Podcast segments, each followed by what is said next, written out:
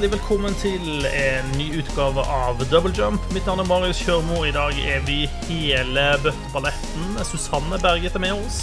Hallo, hallo. Håvard Ruud. Og Gøran Solbakken er på plass. Ost og hark. Ost og hark. Hvordan går det med dere, folkens? Er det brakkesyke over hele fjøla, eller? Ja. Jeg kjenner litt på det. Eh, Men jeg tror sånn vi eh, gamere har liksom en eh, fordel over de som ikke spiller noe, med at vi er eh, kanskje litt Det faller oss mer naturlig å, å slå i hjel tid. Veldig lett for oss å bare plukke opp et, et spill og, og synke timer inn i det. Jeg ser det en del som, som mener det, i hvert fall. Jeg tror Min største fordel tror jeg at eh, har en naturlig arena der jeg eh, kommuniserer med folk over nettet. Altså, jeg møter folk på Discord og sitter og prater med dem naturlig. Eh, og jeg tror for de som ikke har det, så tror jeg det er litt verre. Mm. Jeg har, jeg har jo hørt folk som plutselig har liksom begynt å måtte venne seg til å ha si, møte venninnegjengen eh, via Skype. eh, folk sitter og tar seg et glass vin med, med vennene sine over internett og sånt, som, som ikke har gjort det før. da, og Det er jo kjempetøft eh, at, at, at man får det til. Men det, det sitter nok ikke like naturlig for alle. Så er- jeg er veldig takknemlig for å ha gode venner som man også kan møte over nett. i hvert fall. Det, det hjelper å holde en litt Holde en litt uh, grounded i denne rare tida vi er i. Ja. Det er, eh, det er merkelig. Det er, eh, jeg, er veldig, jeg er veldig glad jeg bor i et hus, og så kjenner jeg at dette huset blir jo mindre og mindre for hver dag som går. Eh, For det er, hjemme, det er hjemmeskole, og det er hjemmebarnehage, og det er hjemmekontor, og det er liksom Ja. Eh, Men nei da. Vi får bare Vi får gjøre vårt for at det kanskje, kanskje gir seg snart, tenker jeg. Ja, absolutt alle må dra igjen. En av de tingene jeg kjenner på, er at det mm, skillet mellom jobb og fritid det blir mye enda vanskeligere nå enn det var før. For det er litt sånn, De tingene som jeg tidligere gjorde for moro, altså sitte foran PC-en med headset på og prate med folk, det er nå plutselig også jobben min. Eh, så det er litt sånn, Nå er arbeidsdagen over, så nå går jeg og så tar jeg meg en Snickers og så setter jeg meg ned i akkurat den samme stolen med akkurat det samme headsetet. eh, Og så gjør jeg ikke helt det samme, men likevel. Det, ja, det er ikke noe brudd i hverdagen lenger, da. Så Nei. Det er litt sånn ekkelt. Jeg hadde det sånn da jeg jobba da jeg var sjefredaktør for Game Reactor. Da hadde jeg jo hjemmekontor i to år. Og vi bodde i en bitte liten leilighet på 33 kvadrat. Eh, og det var i topp under sjette etasje uten heis, så det var ikke så ofte jeg hadde lyst til å liksom gå ut, selv om jeg kunne. Så jeg, liksom, jeg har forberedt meg på dette her ganske lenge. Det er- at stokket opp med dopapir og er klar. Ja, ja, jeg er i god form sånn sett. Eh, nå har jeg ikke vært utenfor døra på 13 dager, tror jeg. Jesus. Still going strong. Det blir nok en uke til. Nærbutikken, eller butikken Jeg har flere nærbutikker, skal jeg få si, men den jeg bruker, der har det ikke vært dopapir på over ei uke nå pga. Uh, idioter. Faen, Yes. altså, hva faen er det som feiler de? Hva skal de med alt det dopapiret? Det var bare griseflaks at jeg kjøpte en pakke før uh, den hamstresjuka kom. Eh, så jeg har fortsatt igjen eh, til å holde, meg, holde noen dager. Men Men jeg beveger meg på en annen butikk. Men det er jo blitt, det er jo nå er det bare blitt en sånn meme-greie. Eller, altså, nå går jo folk på butikken og kjøper masse dopapir for å ta video av det og legge ut på, på sosiale medier. Liksom. Ja. Sånn, her, her, se, you se som teite vi er, da. Ja, litt sånn. De burde sendes i fengsel. Det er jo, det er jo faktisk litt sånn det er som vi har det nå, da. Å sitte i fengsel. Så det er jo ikke så ulikt. Nei, det er for sant. Hvis, hvis dette her er fengsel, så kommer jeg til å gå ut og stjele en bil i morgen. Hva skal du, hva skal du med bil? Eh, Man skal kjøre den Nei, rett til fengselet og så si sånn Ja. Banke på døra og være sånn Hei, jeg har stjålet denne bilen. Kan dere bare putte meg i let fengsel? me in, please. Ja. Det er, det er pensjonsplanen min. Eller eh, gamlehjemsplanen min. Jeg vil ikke på gamlehjem, så jeg skal bare Jeg skal stjele et eller annet, eh, og så Ja. skal jeg i fengsel. Grand Theft dopapir og rett i fengsel. Åh, ja, ja. Ta ikke 4000 om du passerer start. Ja, det var det. Da skal vi komme på besøk, eh, enten via Discord eller eh, i vanlig oppmøte, om vi får lov. Ja. Ta med norske flagg, da. Smugle inn dopapir til deg. Jeg skal sette i gang sånn dopapirring inne i fengselet. Ja, dopapir er nye valutaen. Det ble ikke korker. Det var veldig rart. Det var jeg litt overraska over. Det ble liksom Ja. ikke flaskekorker, det ble dopapir. Jeg føler dopapir kanskje har litt mer nytteverdi sånn jevnt over. Det er jo det som er problemet. Altså, det, det er jo en grunn til at folk vanligvis ikke tørker seg i ræva med, med hundrelapper, liksom. Det er fordi Eller- de er verdt Eller flaskekorker, for den saks skyld. Ja, men nettopp. Altså, sånn, du, har ikke, du, har ikke, du har ikke lyst at de currencyen faktisk skal brukes til noe annet. Sånn at du må stå overfor valget skal jeg tørke meg i ræva, eller skal jeg kjøpe meg dopapir, liksom. Ja. Åh, det er en sånn, dette blir en kjempedigresjon, men det er en eh, ting som irriterte meg kjempemye da jeg leste The Way of Kings av Brandon Sanderson, hvor myntenheten også fungerer som lys. Ja. Eh, så hvis du er rik, så har du liksom masse lys og tjo og hei og alt er fint og flott, men er du fattig, så må du bare sitte der i mørket og kuker. Det er Mm. Hva slags idiotisk oppfinn, oppfinn er dette her? Fuck off med det. Kjipt å være fattig uansett. Ja, ja. Og så Ja. du gjør det bare verre. OK. Eh, vi, du, du, enn så lenge står vi fritt til å sitte og kuke alene i mørket eller i lyset. Er alt etter egen preferanse. Eh, jeg regner med at dere har hatt litt tid til å spille dataspill de siste par ukene. Ja. Snike det inn innimellom all hjemmeskoling og eh, dopapirstjeling. Det blir litt tid til å spille, det gjør jo det. Ja. Og det har jo kommet ut etter hvert flere spill. Det, nå har vi liksom begynt å få smaken på det som skulle være spillåret 2020. Og så blir sikkert resten av spillåret utsatt, da. Men noe har i hvert fall kommet ut. Eh, og den sånn, første sånn store juggernauten som, eh, som vel alle venter på, var Doom. Oh yes. Det er kjent med at opptil flere i denne gruppa har spilt. Yes. Jeg har ikke, Ja. fått, jeg har ikke fått kommet meg gjennom det ennå. Det liksom, det er ikke verdens lengste spill, men fy faen så sliten man blir av å spille det. Når du sitter i liksom 45 minutter uten å blunke og har den der eh, musikken dundrende i ørene. Nei, det, det må spilles liksom i intervaller. Ja, det må absolutt gjøres, det. Det er eh, Det er intenst på en måte veldig få andre spill egentlig er. Og det er litt sånn Det, det er liksom ikke noen kjempestress å sitte tre timer i strekk uten å, uten å røre seg, selv om alle burde reises opp en gang i timen. Eh, men Doom er et spill der jeg frivillig eller ufrivillig i hvert fall tar, da, tar pause sikkert en gang i timen. Ja. Det, for det er Ja. Men det betyr det er, ikke, det er ikke noe negativt, da. Det er jo ikke det. Det er ikke sånn eh, åh, dette er så jævlig dårlig, så nå må jeg ta meg en pause. Det er ikke derfor Nei, man det er bare. Nå gjør det vondt i øynene. Uh. Ja. Nå er øynene mine tørre, så nå må jeg gå og dryppe de. Fordi jeg ikke har og det kan være jeg har fått hjerteinfarkt. Jeg vet ikke. Uh. I hvert fall høyt blodtrykk. Høy puls. Jeg så det var en som hadde lagt ut bare ditt. Han hadde, ta, han hadde lagt ut sånn pulskurve over liksom fra han ikke spilte og til han spilte, og det var sånn typ 20-30 slag mer i minuttet mens han spilte Doom.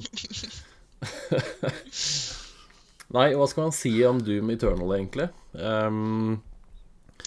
Er, hva, hva er Doom Eternal i forhold til Doom 2016? det er et nytt Doom-spill. I forhold til Doom 64. Uh, ja. Uh, nei, altså Doom Eternal er eh, Hvis du likte det første spillet, så liker du det andre spillet. Det tror jeg jeg kan si med nesten 100 sikkerhet. Uh, det er veldig, veldig rart hvis du ikke, ikke syns det her er kult. Fordi det er eh, Det er sånn som det første spillet, bare at det er mere ting, egentlig, sånn generelt. Eh, du har litt mer våpen, du har litt mer fiender. Eh, du har litt mer gadgets. Um, Det er litt mer law. litt mer law, litt mer historie, faktisk. Eh, Yes. Skjønner jeg den? Uh, nei. nei, Men det er den er Nei. der. Ja, det er en historie der. Ja. Ja, og det blir litt sånn som at uh, når vi prøvde å gjenfortelle historien i Bioshock-spillene det, det er på det nivået, liksom. Det er en historie, det er noen prester som må dø fordi de gjør et eller annet på jorda som ikke er bra. Og så er det noe mer der òg. men i hvert fall, da. Eh, men du, eh, altså Doom er Doom, da. Bare at de, du har mer. Du har denne flammekasteren som du kan bruke til å tenne på demoner med. Og så har du isgranater som du kan fryse dem med. Og så får du forskjellige bonuser hvis du gjør sånn eller slik. Men i all hovedsak så er det jo Altså det er jo en arena-shooter. Altså du du forserer områder, og så kommer du til et sted, og så kommer det masse demoner, og så må du drepe de helt til den siste er død, og så åpner det seg en passasje et sted, sånn at du får gått videre. Eh, men det er skikkelig, skikkelig, skikkelig kult for det. Det er aldri liksom kjedelig å spille Doom, fordi det er så jeg veit ikke, de har en sånn innmari god balanse mellom tempo og kontroll og alle gadgets og antall demoner og hvor Altså, det er Når du liksom kommer inn i den sonen, i, i kampene, og musikken bare dundrer, og du bytter våpen og plukker opp helsepoeng og rustning og hopper og moser og deler i to, og det er liksom Det går så fort, og det er så mye, men det funker så innmari bra, alt sammen sammen. Det er liksom ingenting der som jeg syns Jeg syns ikke noe er overflødig, jeg syns ikke noe ikke funker, og det er liksom Ja, det er bare, det er bare kjempe, kjempetøft og veldig hardt og veldig fort og veldig mye. Eh, og så når du liksom har tatt de der to, tre, fire minuttene med kamp som det kan være, så er det sånn Å, shit, jeg har glemt å puste. Nå er jeg helt lilla, og så må jeg puste ut.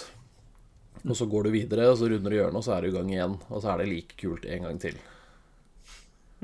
Uh, så det er Men jo, jeg syns det er uh, Det er litt vanskelig å si om det er bedre enn det første spillet eller ikke. Det er ting som er bedre i Doom Eternal. Jeg syns de har forbedra kartet, heldigvis.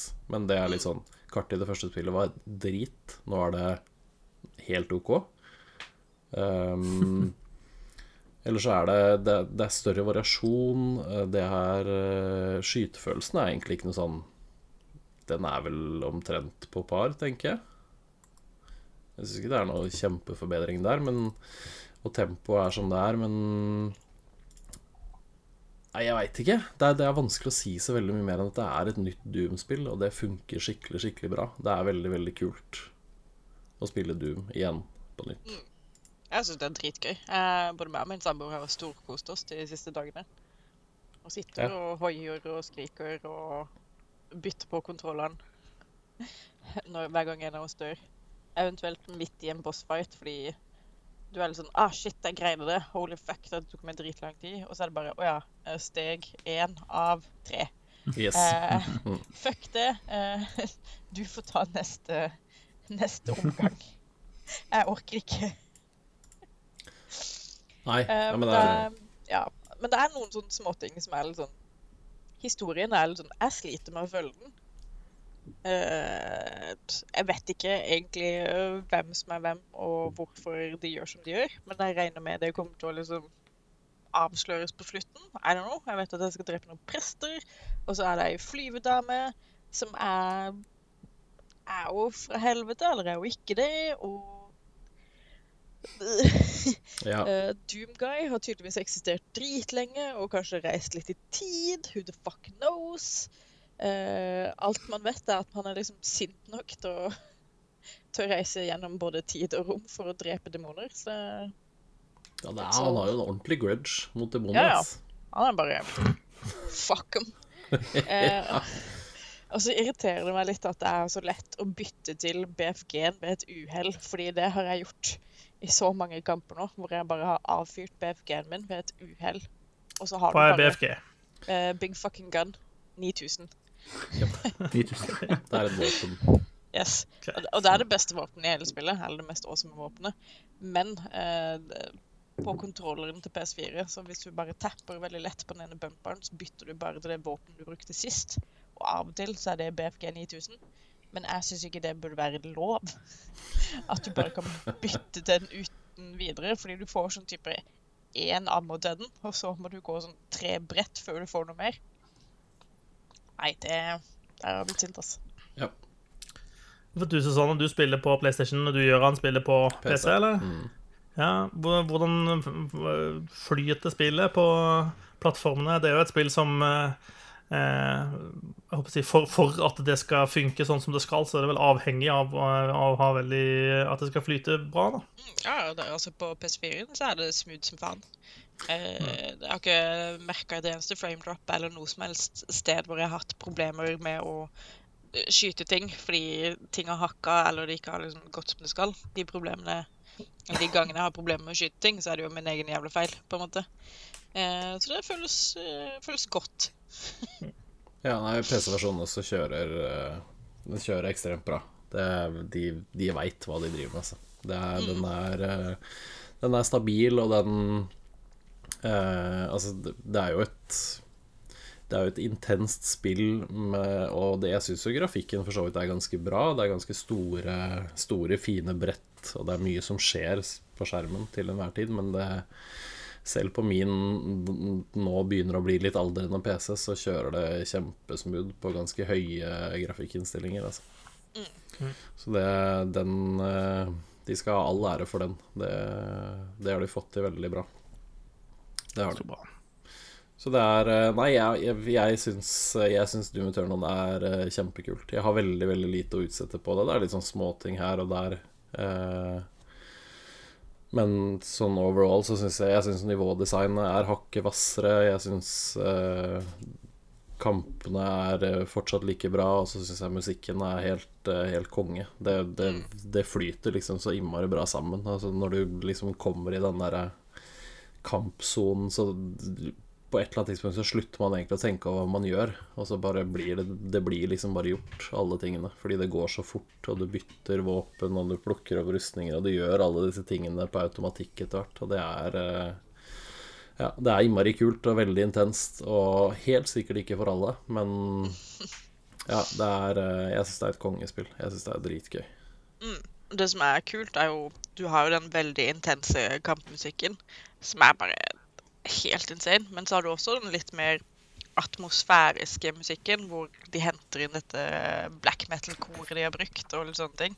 Mm. Eh, og du hører at de har liksom brukt menneskestemmer til å lage helt rare lyder og, og sånne ting. Så det er liksom eh, Jeg syns han har overgått seg selv, han godeste Åh, hva er det han heter? Mike Gordon, er det ikke det? Jo. Eh, yes. Ja. Jeg syns han har gjort en superb jobb, rett og slett. Ja da, det er eh, Ja, det er eh, Jeg hadde håpa at det skulle være mer Doom, og at det ikke skulle bli dårligere, og det er det i hvert fall ikke. Eh, Det er et, det er et helt suverent spill, syns jeg. Kjempe, kjempebra. Men det er ikke noe sånn Å, shit, jeg er sliten på fredag kveld, nå skal jeg sette meg ned og slappe av litt og spille. Det, det Glem det, ass. Det er ikke et Nei. sånt spill. Nei, du må liksom være Du må være litt klar, på en måte. Ja. Klar for kamp. Eller du blir klar, kanskje. Mm. Når du tar på deg headsetet sånn. Er, ja, nei, jeg er eh, Det er to tomler opp og eh, BFG rett i Ratatan her, ass. Det er, Ja, jeg kan si meg enig i det. Jeg vil så anbefale alle som hører på, å gå inn på gamer.no og lese i hvert fall den øverste delen av Gøran sin anmeldelse av uh, Doom Eternal. Det er, eh, det er godt skildret. Takk. En god skildring. Jeg rabla ned noen tanker der. Det er veldig kult. Veldig kult. Det var akkurat det spillet jeg håpa det skulle være. Så eh, 2020-spillene starta bra der, altså. Så bra. Du kan jo fort risikere at det blir en kort liste til Game of the Year i år. I år så da, Ja. da kan det jo være at, eh, at Doom havner høyt oppe på lista, da. Det tror jeg nok. Ja, men, ja, men så bra. Det er godt eh, Det er kjekt når storspillene leverer. Eh, Det, det setter vi jo alle pris på. Ja. Eh, Gøran, har du spilt andre ting enn Doom? Når du har tatt deg noen sånne Doom-pauser? Ja, Snike noe annet? jeg har, jeg har sniket inn andre ting. Jeg har Jeg kan jo bare fort nevne Path of Exile. Det har jeg nesten ikke prata om før. Eh, Aldri. Der har det kommet en ny sesong enda en gang. Det er vel en Ja, er det en uke siden nå? Eh, jeg husker ikke. Det er ikke så farlig, det. Nå nylig, i hvert fall.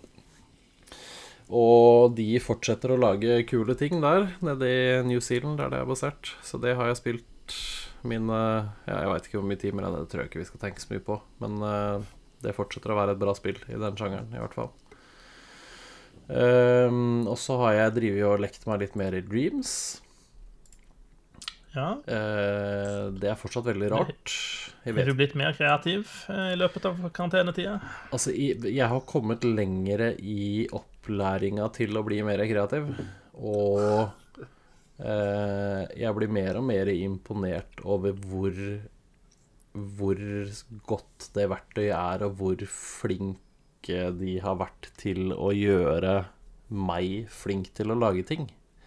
Hvor tilgjengelig sånne verktøy er, og hvor, hvor liksom lett det er å få ting til å Altså animeres, eller få det til å se pent ut, eller altså alle de tingene. Det er ganske Det er ganske sjukt, egentlig, hvor, hvor tilgjengelig de, alle disse tingene er, da. Så det Ja, det er veldig imponerende. Så nå har jeg liksom laget en sånn eh, Kall det en liten sånn scene nå i, i tutorialen, der du liksom går fra å bare lage ting til å få det til å se pent ut. Og det er en, det er en veldig fascinerende prosess å liksom gjøre det med veldig få Veldig få verktøy og veldig få sånne triks, så får du liksom en kjegle til å bli et tre som blåser i vinden, liksom. Det er eh, Ja.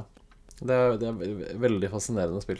Så det, det, det er et sånt spill man kan sette seg ned, og så kan man liksom slappe av og kose seg. Men om det er spill eller ikke, det er liksom vanskelig å si, da. Men eh, ja. Nei, det er veldig fascinerende.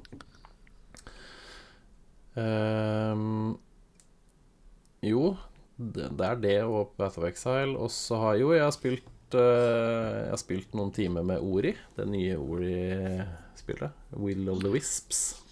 Ja, det har jeg også starta opp og, og begitt meg så vidt ut på. Ja. ehm, Jeg slapp å gråte etter de første ti minuttene denne gangen. det var deilig. Jeg, var, jeg var faktisk litt bekymra der en stund. Eh, Ja, sånn jeg også.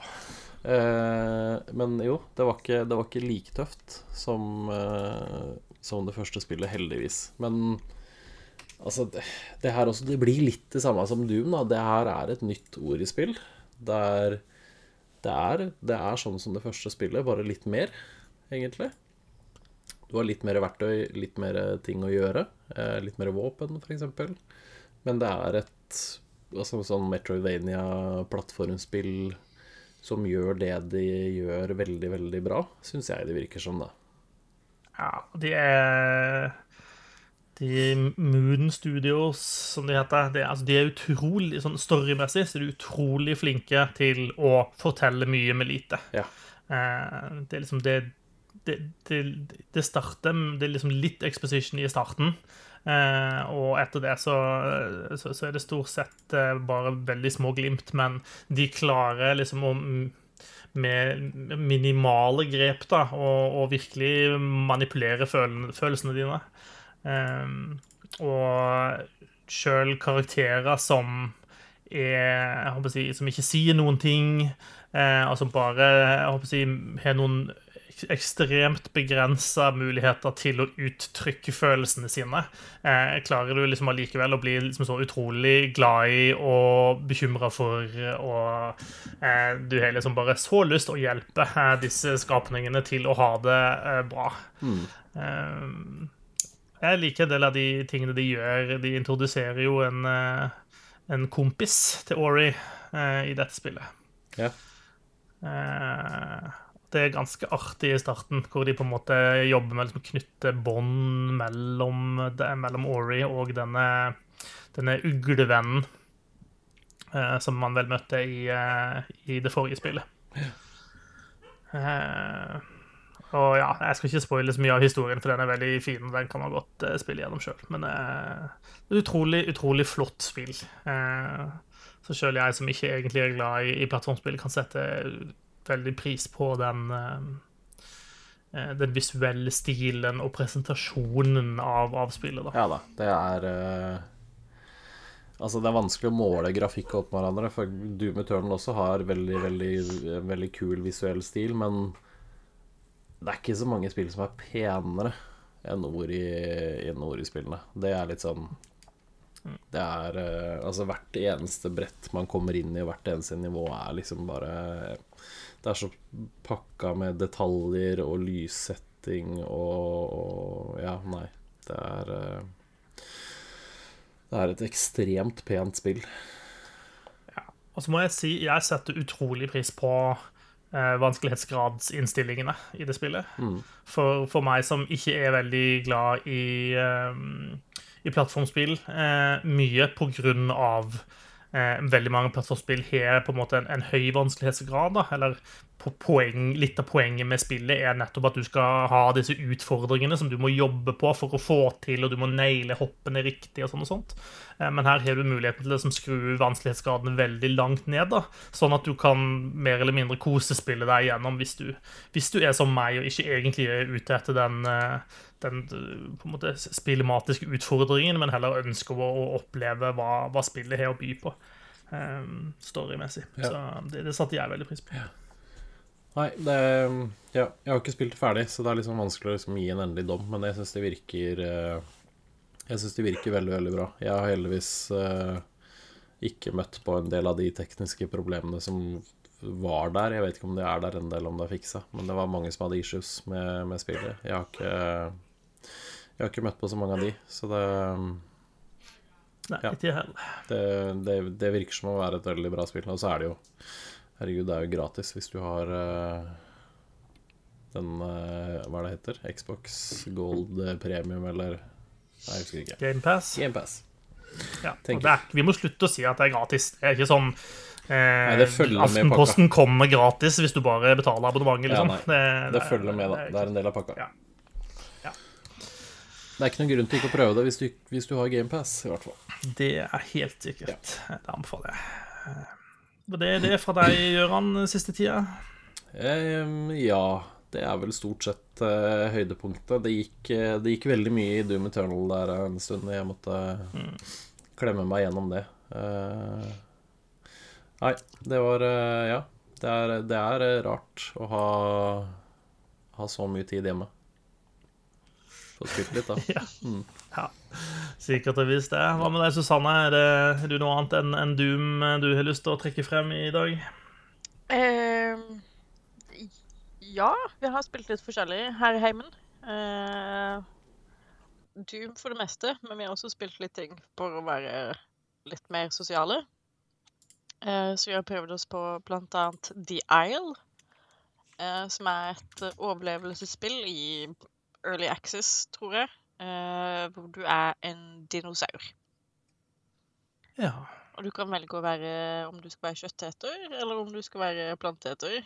Og så er det om å gjøre å egentlig bare dasse rundt i et, uh, i et landskap som ikke er helt uberørt av andre mennesker, uh, og prøve å vokse opp før du blir spist. Så det Yes.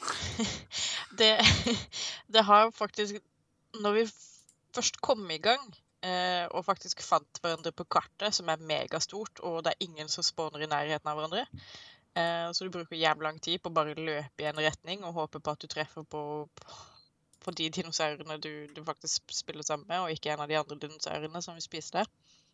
Så er det faktisk veldig kult. Altså, du løper sammen som en pack og jakter ned andre dyr og liksom tramper rundt og, og brøler og styrer og herjer. Det er liksom Lyddesignet i det spillet er helt fantastisk.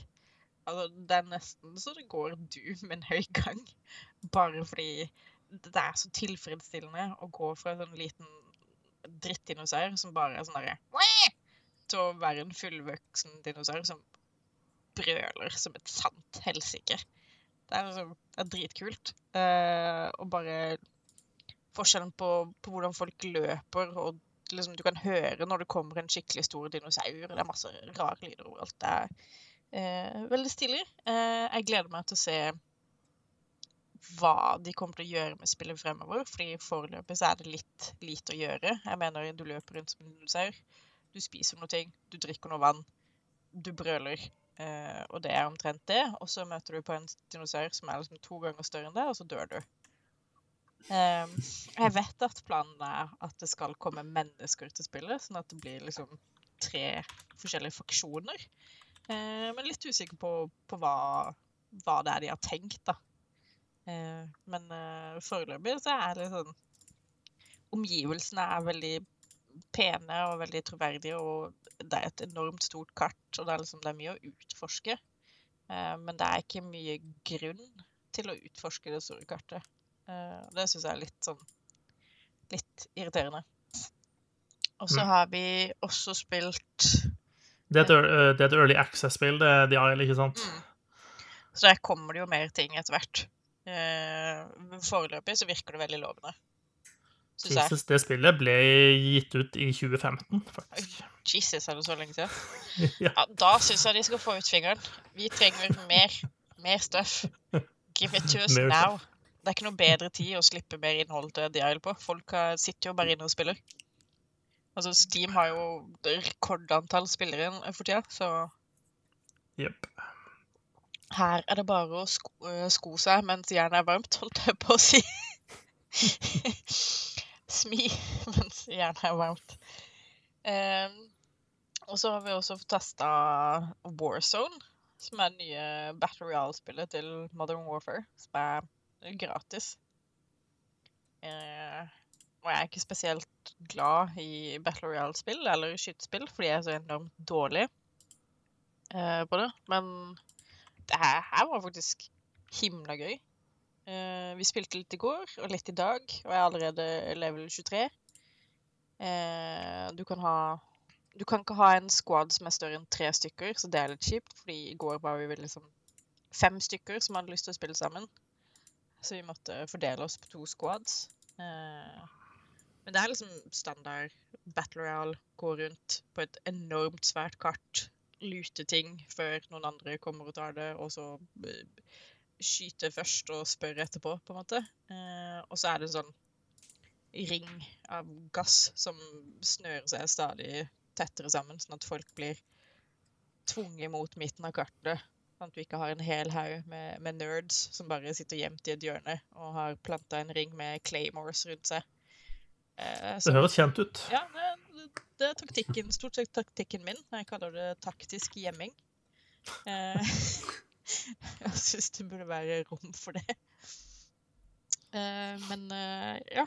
Eh, men de har en sånn funksjon at hvis, hvis du blir drept, og den andre squadmaten din fortsatt er i live, så kan du kjøpes fri i en sånn buyback-stasjon hvis du har nok cash.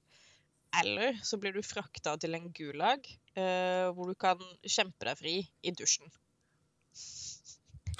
Yes. Yes. Der har de, I denne gulagen så har de satt opp sånn gladiatorkamper nesten i eh, gammel fengsel. De slipper løs to spillere i dusjen, og så er det eh, drep først, basically. Den som, den som greier å drepe den andre spilleren, blir sluppet tilbake i det store kartet og kan finne tilbake til squadmaten sin da, og sånn fortsatt være med i gamet. Så det er litt kult. Det syns jeg er en sånn fiffig liten, liten detalj som gjør spillet litt mer spennende. Eh, hvis hun skulle være så uheldig å daue veldig tidlig, da. Mm. Så meg og min lillesøster, som er kanskje verdens Både meg og lillesøstera mi er verdens dårligste på denne type spill, men vi greide å liksom taktisk gjemme oss og løpe oss og eh, kjempe i dusjen eh, opp til sjetteplass. Som jeg er veldig fornøyd med. Og da er det jo Jeg vet ikke hvor mange lag det er. Det er liksom 150 spillere totalt, og så er det tre, tre pers maks per lag. Så 50 lag ish, da. Ja. Så vi kom på sjetteplass, da, av 50. Jeg er innafor det. Ja, det er ikke så halvgærent. Jeg er veldig fornøyd med det. Uh, og det var nesten uten å drepe noen som helst. Jeg tror vi drepte to stykker. Eh, og syntes det var, det var veldig stor stas. Men det, det, det er ganske underholdende. Eh, Så det er verdt å prøve hvis du liker den typen spill og trenger en liten pause fra liksom PubG og Fortnite og sånn. da. Og det er free to play på Steam. Eller Battlenet, eller Hørte, whatever. hørte fra en andre venner også, som egentlig ikke er noe glad i Battle Royale, men som koser seg gløgg med Warzone. Um, og det høres ut som det der uh, fengselsgladiatorgreiene høres jo uh, om, om det skulle bli noe e-sport av det her, da, så er, er det jo potensial for noe ganske fete comeback-scenarioer med den dusjen. Ja, jeg vet ikke helt hva, hva det er som er greia med det, men det bare føles litt mer tilgjengelig, kanskje, Ja. enn de andre spillene gjør. Altså, det er jo Call of Duty som har lagd et eh, et sånn type spill. Da. Er, selvfølgelig er det mer tilgjengelig. De, det her vet jo de. De kan jo inn og ut, hva folk liker og ikke liker og sånn. Jeg har bare Ja. spilt én runde av det, så jeg skulle liksom ikke si så mye om det. Men jeg er ikke, jeg er ikke uenig med det Susanne sier. Det kjennes, eh, det, det, det kjennes ut som det er litt lettere å komme inn i, og at det er litt lavere terskel for å kanskje Ikke nødvendigvis vinne, for det er, folk er styggbra i det spillet her òg, det er ikke det. Men det er liksom litt lettere å skjønne, og litt lettere å føle at du kanskje får til noe, da. Ja. Jeg har bare sett uh, litt eh, streams, men uh, det ser ikke ut som det er så mye uh, greier, da. Eh, si det er veldig rett fram. Uh, plukke opp våpen, skyte folk. Ikke en sånn bygging som er i Fortnite, og eh, pinging og skliing rundt sånn som det er i Apex. Nei, det er liksom og så ser det ut som det funker bra, i motsetning til PubG. Eh, Kjører, eh, kjører bra, da. Ja, vi har ikke hatt noe performance issues sånn egentlig. Uh, I hvert fall ikke på denne sida. Jeg tror kanskje mine søsken som, som bor i Lillesand, hvor holdt jeg på å si, nettet der blir jo begrensa av bibelbeltet. De hadde kanskje noen problemer med litt uh, frame drops og sånn. Ja. Men uh, jeg syns det, var- jeg synes det har vært kjempegøy. Og jeg liker ikke sånn spill, sånn egentlig. Eh, så det er verdt å, å teste ut, bare for å liksom se om det er noe for deg, da. Ja, det er jo gratis. Ja, kanskje jeg skal lokkes med, da. Kan ta noen runder. Eventuelt kan jeg spørre David om å ta en runde, for da vinner du sikkert. Ja, carry meg. Det var fint. Det, det høres ut som du trener, trener kidsa dine bra, Jørgen. Hva sa du nå? Du datt bort, Marius. Ja, klar. Jeg trodde det var PC-en min som frøs igjen. Nei, ja. ikke, no, ikke noe problemer denne uka. Det hadde vi nok av forrige uke. Så vi, nå skal vi bare kjøre en helt vanlig, vanlig sending. Ja. Ja, det var jo det som skjedde forrige uke, da, var at PC-en til Susanne frøs, eh, og opptaket ble borte. Ja. Um, og det er vel Det er faktisk første gangen i Double Jumps 200 episoder lange historie. I'm sorry. Ja, men vi har litt sånn bonusepisoder og sånn som ikke er tall på. Ja. Fair enough. Men, Til sammen så har vi nok farlig nære 200. men denne, denne gangen så kjører jeg eh, opptak på mobilen også, i tilfelle. Krise-backup. Emergency backup, ja. Yes, yes, yes. Man må det i, de, i disse apokalypsetider. Alt kan skje. ja, ja. Men Men jeg syns, jeg husker å huske sånn når vi begynte, sånn type episode 1 til 5 eller sånt, så kjørte vi også sånn backup-opptak. Eh, men det, det, det gadd vi ikke veldig lenge, fordi det funka jo så fint. Yep. Ja, det fikk vi aldri bruke. Nei, nei. Trengte aldri, så gidder vi ikke. Nei da. Vi er pros, tross alt. Ja, ja, ja. ja. Nei, selvfølgelig. Men jeg tror den, den episoden forrige uke som dere, som dere aldri får høre, det var nok mest sannsynlig den beste episoden som noen gang har blitt lagd. Åpenbart. Ja, ja. Eh, som noen gang ikke har blitt lagd. Yes. Neimen, bra. Warzone verdt å sjekke ut, altså. Um, var, det, var det noe annet du hadde lyst til å trekke frem, Susanne? Ehm, nei, jeg tror det er vel det jeg har spilt. Eh, vi har jo fullført uh, Cinema. Uh, og så har vi også fått kommet oss litt videre i Horizon Zero Dawn, som virkelig begynner å ta seg opp. Som Tenk er å kunne spille de spillene på nytt uten å vite noe om det. Det hadde vært deilig. Jeg storkoser meg. Det er liksom For min del så er dette en bra tid. Hvis det er lov å si. Det er lov å synes, men ikke lov å si det høyt. Nei. Sant? Ja. Det er greit. Hva med deg da, Håvard? Jeg vet at du sitter Eh. og venter veldig på et spill som, eh, som du skal sette i gang på.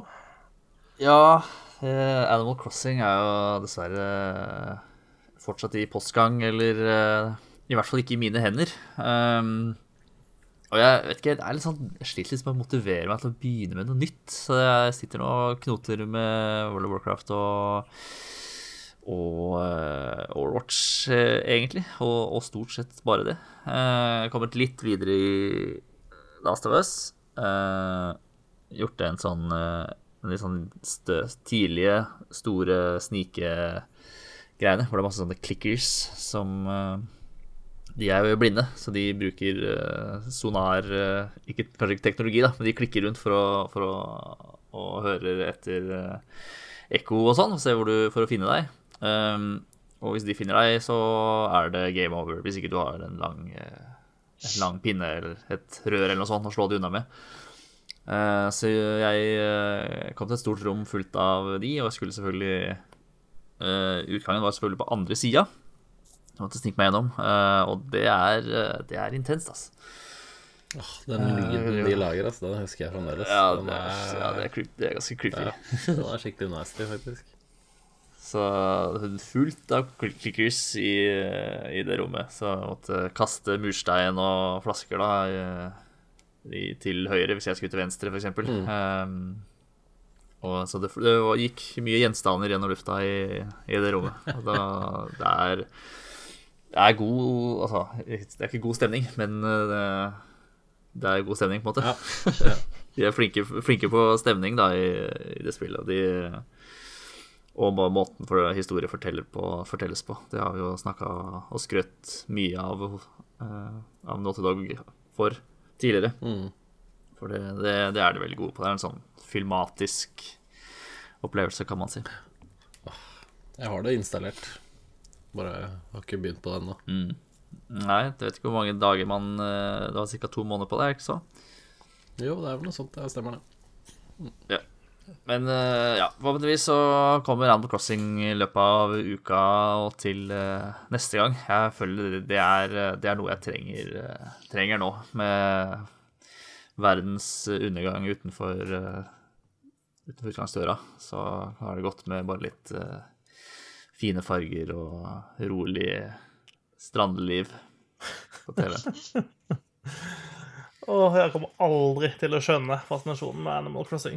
Men eh, jeg, jeg registrerer at hele verden er crazy for Animal Crossing akkurat nå. Det Ja. kan ikke åpne er- YouTube uten at det dukker opp masse anbefalinger om å se disse Animal Crossing-videoene nå. Eh, Det er, som, det er mye Animal Crossing i Twitter-feeden min. Mm. Um, og eh, ja, det har vært, det har vært Bob Ross-maraton på Twitch eh, hele forrige uke. Det var plutselig stopp i dag. Innspilling eh, mandag 23. mars. Um, så eh, ja, jeg trenger, jeg trenger Animal Crossing for liksom min, eh, min daglige wholesomeness-dose. Eh, Jeg har blitt, blitt litt avhengig av å ha Bob Ross på skjerm nummer to eh, gjennom hele dagen. Nå som jeg sitter, eh, sitter på hjemmekontor, så eh, er det jo ingen Jeg trenger ikke late som jeg ikke gjør det engang. Kan jeg bare ha det i full, eh, full synlighet. vi har alle våre coping mechanisms, eh, Håvard. Det går ja. bra. Bob Ross er, er min. uh, ja, sjøl har jeg drevet og flikka imellom ganske mange forskjellige spill i det siste, egentlig.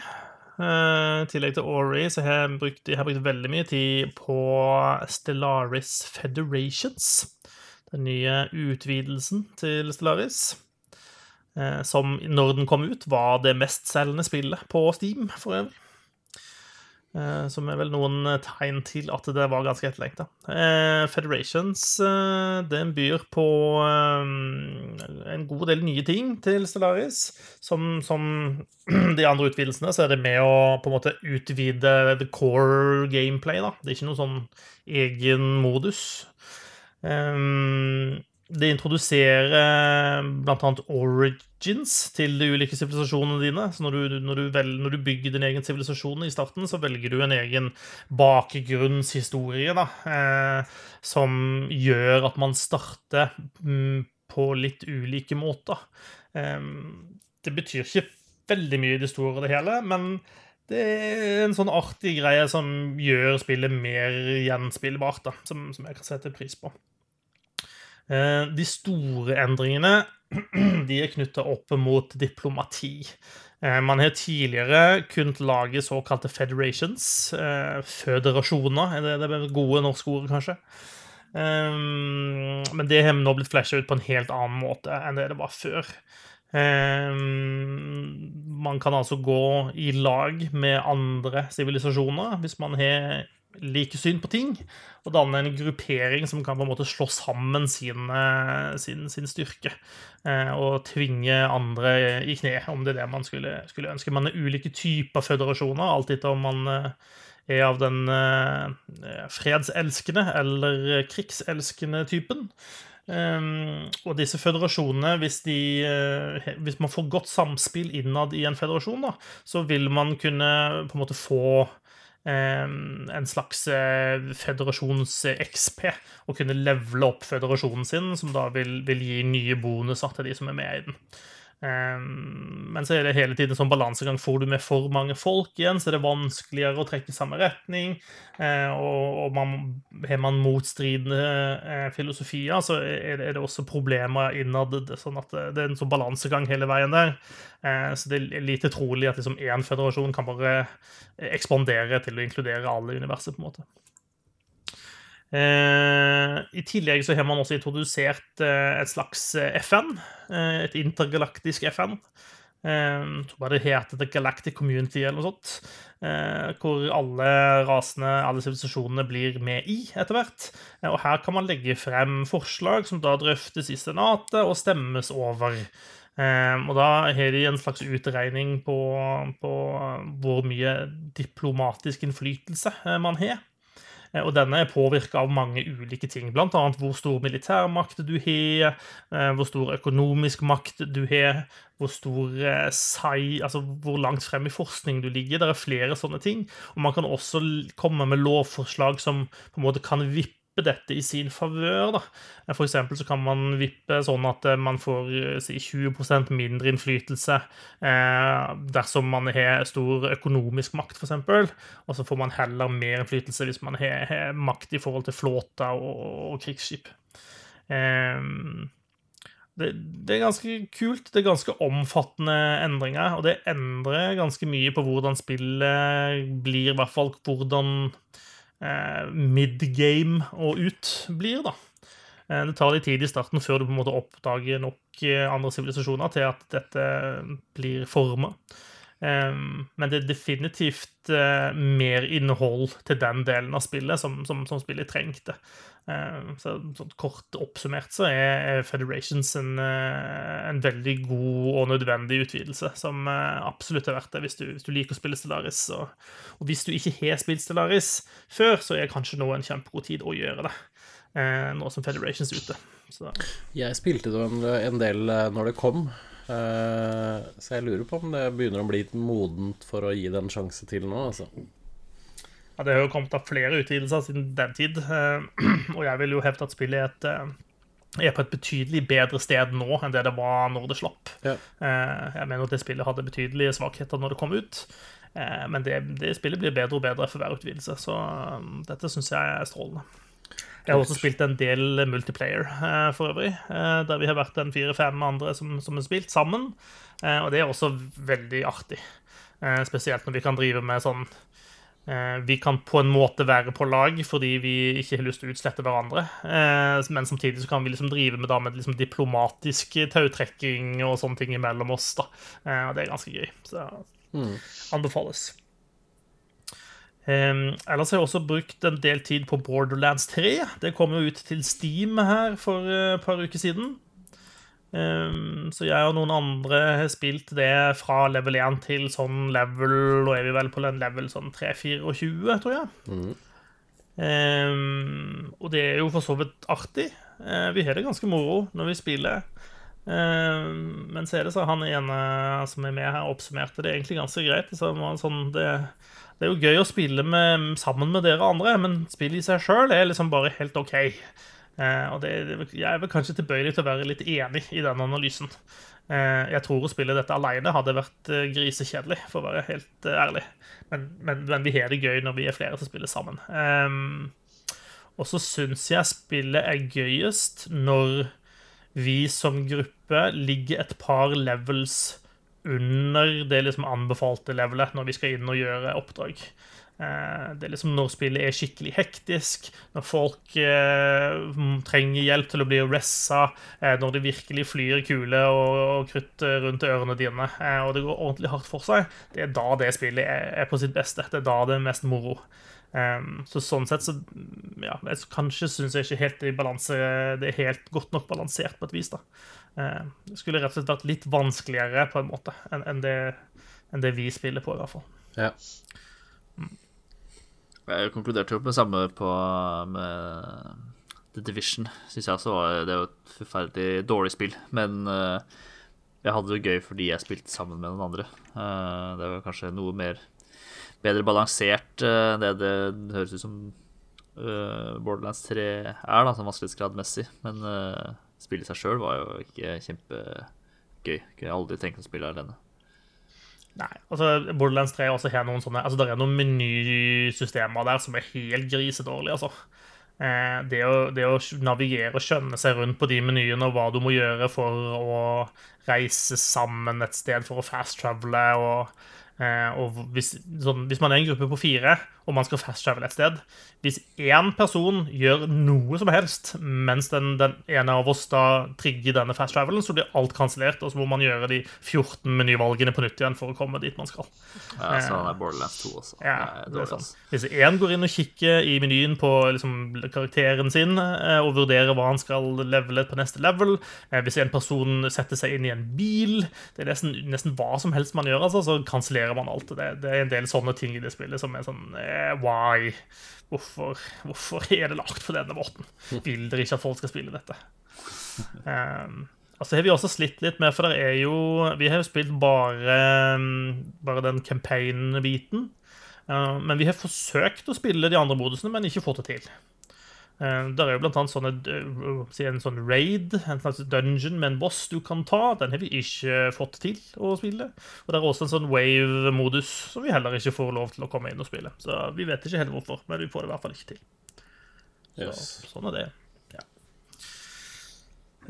Um, jo um, Når vi snakker om GamePass um, En av Microsoft sine første First Party Games som ligger der, er State of Decay 2. Og for ikke så altfor lenge siden så kom de ut med en stor oppdatering til det. Og hele som uh, pakka om spillet og kaller det nå uh, State of Decay 2 Juggernaut Edition.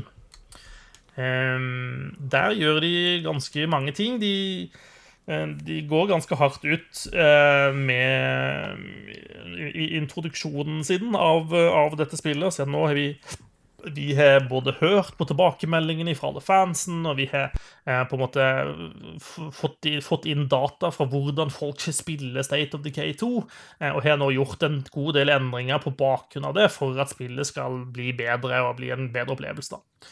Eh, så, så, de har gjort en god del endringer inni der. Det er en del ting som har blitt mer intuitivt.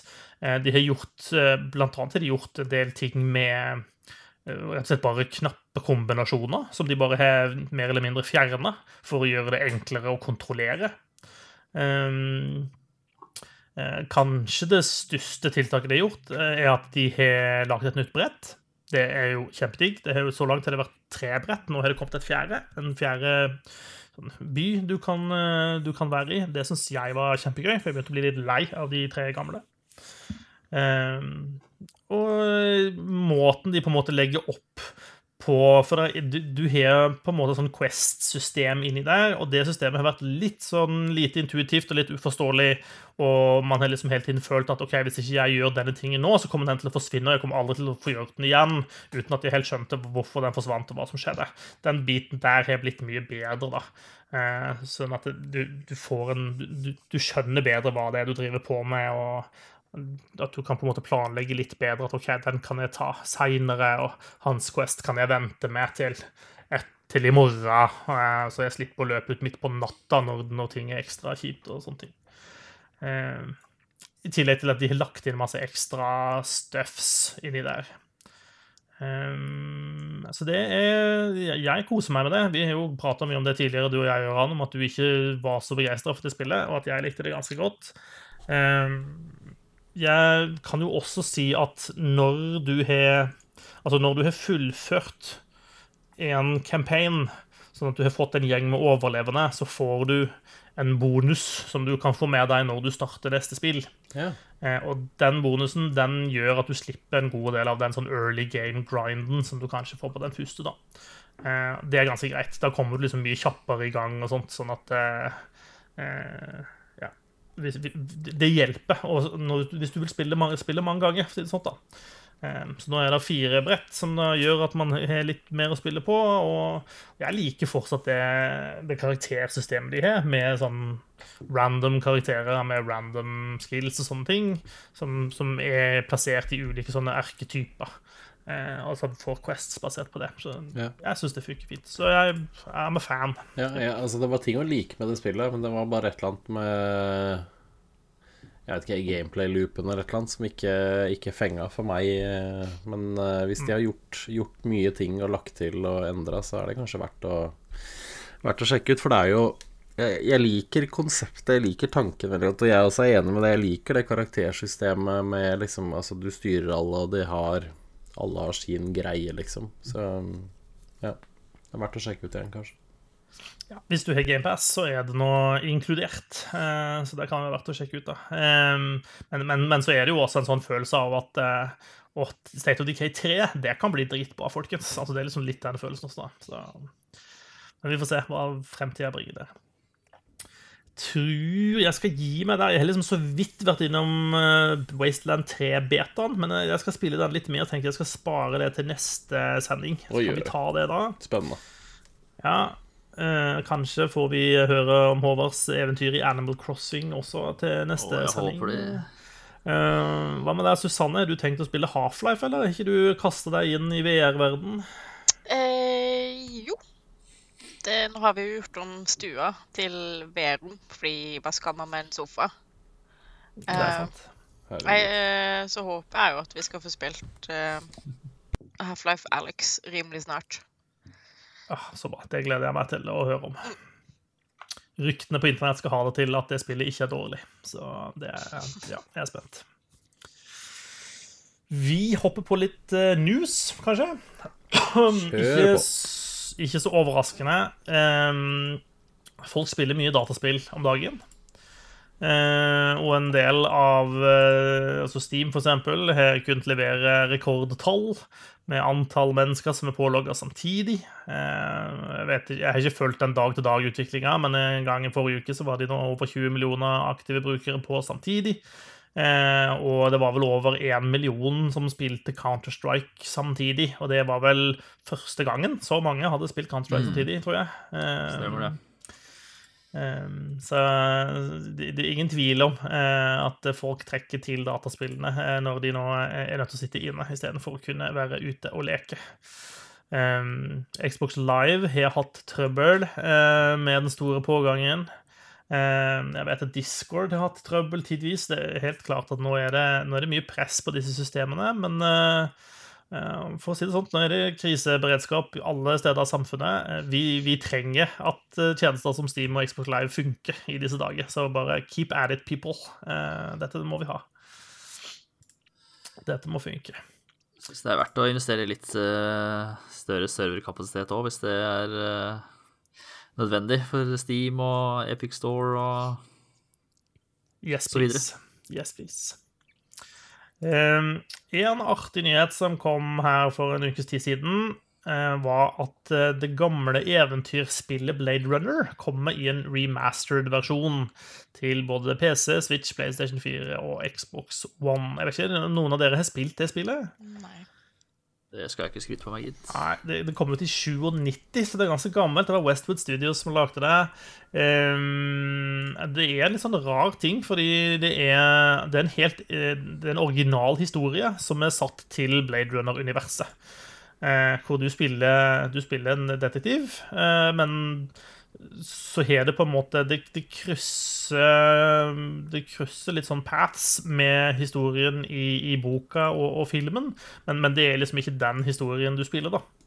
Eh, men den, den, tar jo liksom til seg all estetikken og, og en del av teknologien og sånt. Eh, og du bruker blant Jeg husker blant annet du bruker disse, disse rare overvåkingskamerasystemene som de har i de greiene, som, som driver og Eh, eh, altså Hvis overvåkningskamera bare har sett skurken ifra liksom vinkel, så kan, da, så kan du allikevel gå inn og liksom snu kameraet rundt, og så kan liksom datamaskinene da eh, generere eller sånn på en eller annen måte da gjøre en kvalifisert gjetning av hva som er på den andre siden. Eh, og så sitter du da og kan liksom vri rundt på disse overvåkningskameraene for å prøve å finne ut av hva som skjedde på åstedet og, sånt. Eh, det er et veldig kult spill. Eh, jeg gleder meg skikkelig til å spille det om igjen, for det er et spill som har vært eh, eh, litt uspillbart, egentlig, i, den, den, formen det har, det har vært i veldig lenge. Så det er noe jeg ser frem til, iallfall. Det, det er et veldig kult spill. Yes. CD Project Red har vært ute og prata så vidt om at de holder på å lage et nytt spill. altså et spill som skal komme etter Cyberpunk 2077. Eh, de vil ikke si hva det er for noe, men de sier at det er ikke Witcher 4. Hm. Hva, hva tror vi? Witcher 3,5. Witcher Alex. Mm. Nei Altså, selv om uh, Selv om Witcher er kult, så er det jo enda mer spennende at de lager noe nytt, syns jeg, da. Mm. Cyberpunk 2078. ja, tenker vi. Ja. Nei, det blir spennende å se. Så lenge det ikke er et ja. kortspill, så er det greit. Ja, skulle til det Gwent 2 eh, som kommer neste. det var ordentlig nedsig. Jeg liker Gwent. Det, vel, altså, det, har vel ikke vært et eneste rykte engang om hva de gjør, så det er jo litt spennende, det. da Ikke noen ting Det er ingen, no, ingen som synser om noen ting. Nei, altså, det er jo såpass tidlig. Eh, det er litt sånn eh, Jeg husker før eh, Det er jo etter hvert mange år siden, mens de fortsatt jobbet på, på Witcher 3, så hadde de liksom sånn bitte lite superhemmelig avlukk inne i kontorene sine nede i Polen, der, der disse cyber der det satt liksom en sånn bitte liten gjeng som jobbet med Cyberpunk på det tidspunktet. og det, Jeg tipper det sikkert akkurat det samme nå. Der er liksom et sånn lite kontor med fire mann som sitter og knarer ut hva, hva, det neste de skal jobbe med, skal være for noe. Sitter og jobber med eh, på en måte utkastet til det. Så um, CD Project Red er jo generelt sett flinke til å holde på hemmelighetene sine. Så jeg tviler på at vi får vite noe sånn veldig med det første. Ja, Spennende. Gøy at det er noe annet. Ja, det gjenstår å se. Ja. Men kanskje. Ja. Det er jo ikke sikkert det heter sjøl, som eh, Marius sier, nei, så Vi tar Cyberpunk nå først. Ja, ja absolutt. Eh, jeg så et eller annet sånn i forbifarten på internettet her om dagen, noe om Lego Super Mario. Eh, og noen som fikk med seg hva greia var med det, egentlig? Jeg skjønner ikke hva det er, men det ser kjempesøtt ut, og jeg vil ha det. Eh. jeg, jeg, så det, men jeg har ikke skjønt hva greia er. Nei. Du vil fortsatt ha det? Jeg vet ikke. vet ikke. Kanskje litt. Jo, jeg vil det. Men, men, men altså, det er en slags Altså, det er noe fysisk? Altså, du bygger liksom Super Mario-brett, for eksempel, eller noe sånt? Og så er, er det en eller annen digital komponent? Ja, det var kult hvis hele greia var at du bygger Super Mario-brett, og så leker du det. Og det er det. Det ser jo ut som det er det det er. Ja. Uh, det ser ut som det er noe sånn eh, NFC-teknologi. Altså sånn når du berører Mario borti en sånn spørsmålstegnblokk, så får det en spilles som pengelyd hvis det er en penge i den eh, blokka. Jeg vet ikke om man kan programmere eller endre bestemmer sjøl hva som skal være de, eller eh, Men eh, jeg vet ikke om det er sånn Kommer det noen regler til hvordan du kan flytte Mario, eller er det en sånn, sånn er det et sånt spill som man kan sånn, konkurrere mot noen, eller eh, når man bygger seg et brettspill på en måte, eller eh, er det bare rett og slett for lek og fantasi? Det vet jeg, jeg skjønner ikke. Den som lever, får se. Eh, jeg syns jo- jeg syns jo at Lego Super Mario ser ganske skummel ut, jeg, da. Men eh, det er Ja, greit. gjør det. Han gjør det. Han er jo faktisk eh, Det er ikke så langt ut at han er like bred som han er høy. Nei, Det er helt sant. Fjerner den hatten, altså de der eh, bitte små stubbe beina, så er vi. Eh, Ja, ja. Overwatch League er straks tilbake. I ny form, for de som bryr seg om slikt. Jeg bryr meg om slikt. Um, Pga. korona så har man jo utsatt og avslutta alt som er samling av mennesker. Eh, og eh, Blizzard har jobbet på spreng med å prøve å få noe til å fungere som ikke innebærer å samle masse mennesker. Eh, de skulle egentlig ha starta opp igjen i uka som var, men så innførte eh, staten California et sånn ganske vidspredende forbud mot eh, si, om ikke å bevege seg, så i hvert fall samlinger osv., eh, som gjorde at de, de, de tekniske tingene måtte utsettes nok en uke.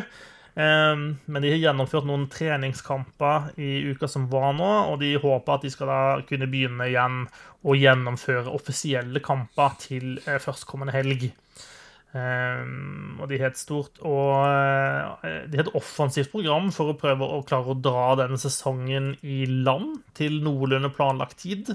Uh, tidligere har de spilt kamper bare, bare på lørdag og søndag. Nå innfører de også fredag som spilledag, så det vil bli ganske mange kamper fredag, lørdag, søndag uh, i periodene fremover. Det vil jo være uten noe publikum som er med. Det vil være veldig mye som går over nettet. Uh. Men, men de mener at de sånn rent teknisk så skal de ha alt eh, under kontroll nå. Eh, jeg vil jo tro at de vil oppleve litt teknisk kluss. Eh, noe annet vil overraske meg veldig. Men jeg gleder meg uansett til å få det tilbake på skjermen igjen. Det, når det ikke er noe vanlig sport å se på, så kan vi i hvert fall få litt e-sport, uh, syns jeg. Sånn uh, klinkekulekappløp er jo Det er, gøy, det er bare gøy så mange ganger føler jeg. fått noen oppsving. klinkekul, altså. Det er alltid Um, gøy når du gjetter riktig da, på hvilken klinkekul som kommer til å vinne. ja, er det alltid like gøy, Håvard? Er det det? Det er jo gøy når man vinner. Greit. Eh, apropos Overwatch League. Eh, hvis noen eh, satt og så de vennskapskampene som var nå i helga sist, så kunne de se at de lagene der fikk lov til å leke seg med den nye helten som har kommet i Overwatch. Den heter Echo, og hva syns du om Echo, Håvard? Uh, det ser uh, litt sånn Endelig er Echo eh, introdusert. Han er ikke tilgjengelig, eller er tilgjengelig på testserveren, da, men eh, uh, Echo har jo vært i liksom Overwatch Law, vært til stede i sånn Overwatch Law uh, veldig lenge. Um, ble jo sågar vist fram i den uh, ene kortfilmen med McCree og Ash som kom ikke forrige BlizzCon, men den før der, vel? Ja, alle trodde at nå skal vi endelig få Echo, og så fikk vi en sånn kjip cowboykjerring i stedet. Ja, det var skuffende. Er det mulig? Men uh, Echo ser veldig, ser veldig kul ut. Ser veldig Ja, nå har de vel annonsert at det kommer uh, nerfs, så den er jo vel altfor kraftig uh, per, per nå. Men det er vel derfor det man har testserveren til. Men den har veldig kul, kul ult, som gjør at hun kan bli til en av heltene på det andre laget. Yes. Eh, det er, eh, det er ganske stilig og ganske speisa. I en, I en veldig kort periode, jeg husker ikke hvor mange sekunder det er, men i noen sekunder så, så kan da den helten eh, transformere seg til en av heltene på motstanderlaget. Eh, I den perioden så er Echo udødelig. Du kan ikke drepe henne. Og hun har 650 eh, sånn ult generation. Eh, så i noen sånne tester så kan du se at de f.eks. tar gjennom ulten hennes, så blir de tracer, og så klarer de å bygge liksom fire tracer-ulter eh, på de få sekundene. Så du kan virkelig endre kampene på den måten. Eh, Og jeg ser det er noen av de proene som da spekulerer i at ja, OK, hvis ikke du har lyst til at du skal få liksom to sånne Saria-ults mot deg, altså må du faktisk bare ikke spille Saria sjøl, da. Ja. Eh, ja. Så det, jeg er veldig spent på hvordan det kommer til å påvirke kampene. Eh, det ser ut som en veldig veldig gøy helt å spille, men de må jo nok jobbe litt med balanseringa, ja, for hun virker veldig mektig per nå. Ja. Masse mobilitet kan jo fly i fem-seks sekunder òg, kan det ikke det? Jo. Det Mye mer kontrollert enn det Farah kan, for eksempel. da. Vel litt sånn som Litt sånn som Diva Boost, kanskje. Ja. Ja, mer eller mindre bare at du flyr mer som eh, Ja, litt sånn opp, opp og ned og til siden. Ja. Det ser ut som en veldig god helt, i hvert fall. Mm. Jeg gleder meg til å prøve. Jeg har ikke prøvd det ennå. Yes. Ehm, innspillingen av The Witcher sesong to, TV-serien altså, er um, utsatt pga. koronavirus. Det er jo kanskje ikke så overraskende. Nei, nå syns jeg koronaen har gått for langt, altså. Ja, Ja, nå kan det dra til helvete når det Ja. begynner å gå utover sånne ting. Nå, Da, nå er det bare da, å da er det rulle bra. inn. Ja. Skulle, skulle ikke liksom Geralt være eh, immun mot sykdommer? Eh, Det ser jævlig dårlig gjort. Men hva med alle de andre? Skal han bare dasse rundt alene og være litt sånn hmm. Fuck. en, sånn, en sesong med sånn eksistensielle spørsmål, eh, der Geralt går rundt i ødemarken og ja. Altså, jeg hadde sett på det glatt. ja. Lett. En sesong med av det. Nei da, det var vel ikke så veldig overraskende at de var nødt til å, å utsette det. Eh, men det var en, en av mange utsettelsesnyheter som, som ble kommet, og det kommer nok til å komme flere av de fremover, er jeg redd. Ja.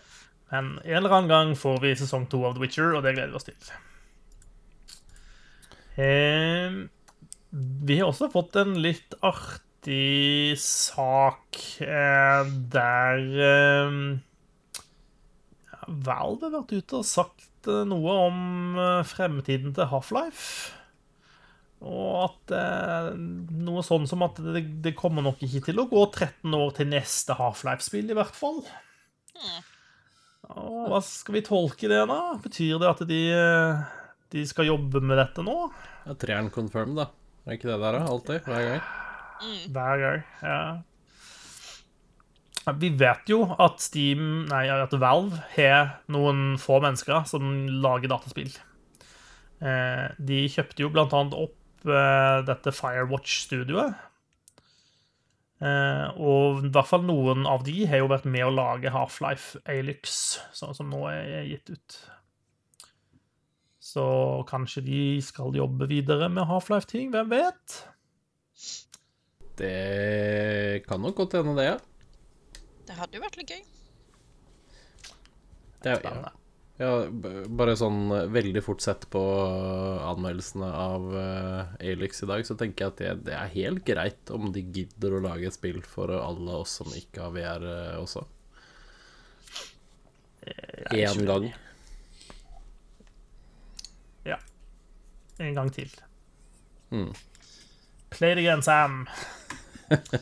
Ikke sant? Eh, noen som ikke vil spilles igjen, er Nintendo vil ikke ha Mario inn i Dreams. Nei? Ja, Nintendo er Nintendo, I guess. Ja. Og slipper unna med det fordi de er Nintendo. Ja. Men er det så rart? Ja, men det er litt sånn Ja, jeg veit ikke. Altså, Dette har jo på en måte vært Nintendo sin greie siden 80-tallet. Altså sånn Vil du spille Super Mario, må du spille på vår plattform. Basta. Ingen andre plattformer skal få lov å ha Super Mario. Så det er jo så rart at de fortsetter på den linja, da, selv om de har liksom begynt å lefle med litt sånn mobilting og sånt. Men uh... Nei da, men det er litt sånn Jeg, jeg har testa noen av de Mario-greiene som er i Dreams, og det er jo ikke Mario. ikke sant? Det er bare noen som syns det er gøy å lage noe som ligner litt, fordi de husker de første brettene så godt. Så det er liksom lett å prøve å lage det igjen og gjenskape de andre tingene. Så det er ikke noe big deal. Herregud. At de skal drive og bruke energi på sånne ting og gi seg selv en negativ PR pga. sånt, det, er, det blir for dumt, syns jeg. Men greit De nok. slipper, slipper unna med det. Ja, de gjør jo det, De da. hadde, de hadde jo hele den YouTube-greia si, Ja. hvor de jo gikk rått etter alle som streama eller viste noe Nintendo-spill. Liksom. Ja. ja. ja. Nei, det er Nintendo er eh, De er veldig sære og veldig spesielle. Og det er liksom ikke Jeg tror jeg har sett sånn type to-tre ting jeg med Mario i på sånne feature-lister, og som har liksom dukka opp uten at jeg måtte grave skikkelig langt etter det i Dreams. Så det er liksom ikke Det florerer jo ikke av Mario-ting det. Nei. Det kommer det heller ikke til å gjøre i fremtiden, ser det ut som. Nei. Men jeg vil spille hva slags altså, Hva gjør andre, da? Jeg regner med det er flere sånn åndsverk som kopieres i, i Dreams. Ja, det er det jo. Så det er sånn, kommer, kommer andre til å se Ja, nå har Nintendo begynt, så da kan vi begynne? Eller kommer det til å være sånn ja, Vi skal i hvert fall ikke være like dølle som uh, Nei, jeg tror Nintendo kjører den greia der ganske alene, gitt. Ja. Sonic er jo også der. Jeg tror ikke Sonic-gjengen uh, gidder å gjøre så mye. Nei. De er bare glad for at noen husker hvem han er. Utafor hos meg så er det noen kids som har malt eh, Sonic i, Eller tegna, da, med kritt. Ja. På, på plassen utafor døra mi. Ja. Respekt for kidsa. Tydeligvis Eh. noen som uh, oppdrar ungene sine riktig. Ja, det er ikke bare Gjøran som har vært utafor, liksom. Ja, det kan også hende. Ja. Det er mer sånn Alex litt lyst Kidd, altså. Skal komme og tagge Giana Sisters jeg er utafor veggen din. Det er greit. Også- Men jeg har også litt lyst til å gå og ringe på til foreldrene og så si eh, La meg introdusere dere for uh, Super Mario. Som Sonic, bare bra. Mm. Og da sier de Men han er jo så treig, sier de da. Og så er han tjukk. Uff da. Uff da. OK. Ja, da har vi det gående. I hvert fall. Skal du være kreativ i Dreams, så ikke vær Nintendo-kreativ, for da blir de sinte på deg. Eller i hvert fall sinte på Sony. Eh, helt til slutt eh, Vi kan liksom ikke avrunde den sendinga uten å ha vært innom at både Microsoft og Sony har sluppet masse informasjon om de nye konsollene sine. Eh, Vi har jo fått vite spesifikasjonene, eller i hvert fall mange av spesifikasjonene, på både Xbox Series X og på PlayStation 5. Um, og eh, nå skal det komme en disclaimer. Eh, Jeg, verken jeg eller noen andre i denne podkasten her er liksom sånn store techies. Vi vet ikke nødvendigvis hvor mye det kommer til å bety at eh, Xboxen har litt mer teraflop enn PlayStation har, eller at PlayStation har litt kjappere SSD-minne something something enn det Xbox har. Men det ser jo ut som om det blir to gode konsoller som kan være relativt sammenlignbare. Det, det, det var min take, i hvert fall. Har dere tenkt noe annet? Nei, hvis du ser på sammenligninger, da, tabeller sånn ved siden av hverandre, så er det ikke sånn kjempeforskjell, så vidt jeg kan se. Nå eh, er jeg også litt sånn sagt eh, som Marius eh, sa her, at eh, jeg er jo litt på tynn is. Eh, Jeg vet ikke hvor stor forskjell utgjør én terraflopp, liksom. Det, det vet jeg faktisk ikke. Men det er jo ganske, det er ganske like tall som er i de sammenligningene. Ja, og, og så handler det jo, sånn som jeg skjønner det, også en god del om hvordan man bruker den teknologien man har. da. En ting Ja. er liksom de harde tallene, sånn og sånn er det, men man kan på en måte få mer eller mindre ut av x antall teraflop også, alt etter hvordan resten av eh, infrastrukturen er bygd opp. da. Ehm, Så vi får bare vente og se. Siden det spekuleres i at den eh, hastighetsforskjellen på, SSD-en kan bety at eh, PlayStation vil ha kortere sånne loading times, for eksempel, enn Xbox. Kanskje.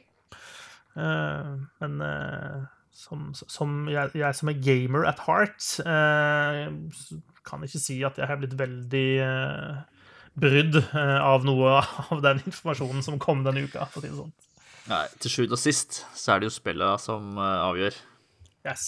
Det er jo greit at spillene funker, altså kjører fint og ser flott ut, og at man ikke at de som lager spill, ikke lenger trenger å legge inn sånn fem minutter heissekvenser mens man liksom laster inn neste level og sånt. Det er jo veldig greit at vi kan bevege oss videre ifra det. Hæ? Disser Ja. du, disser du Mass Effect? Nå Altså, Altså, jeg liker liker de heisesamtalene, jeg, i Mass Effect. Jeg, jeg savna de heisamtalene, jeg. Når de ble borte.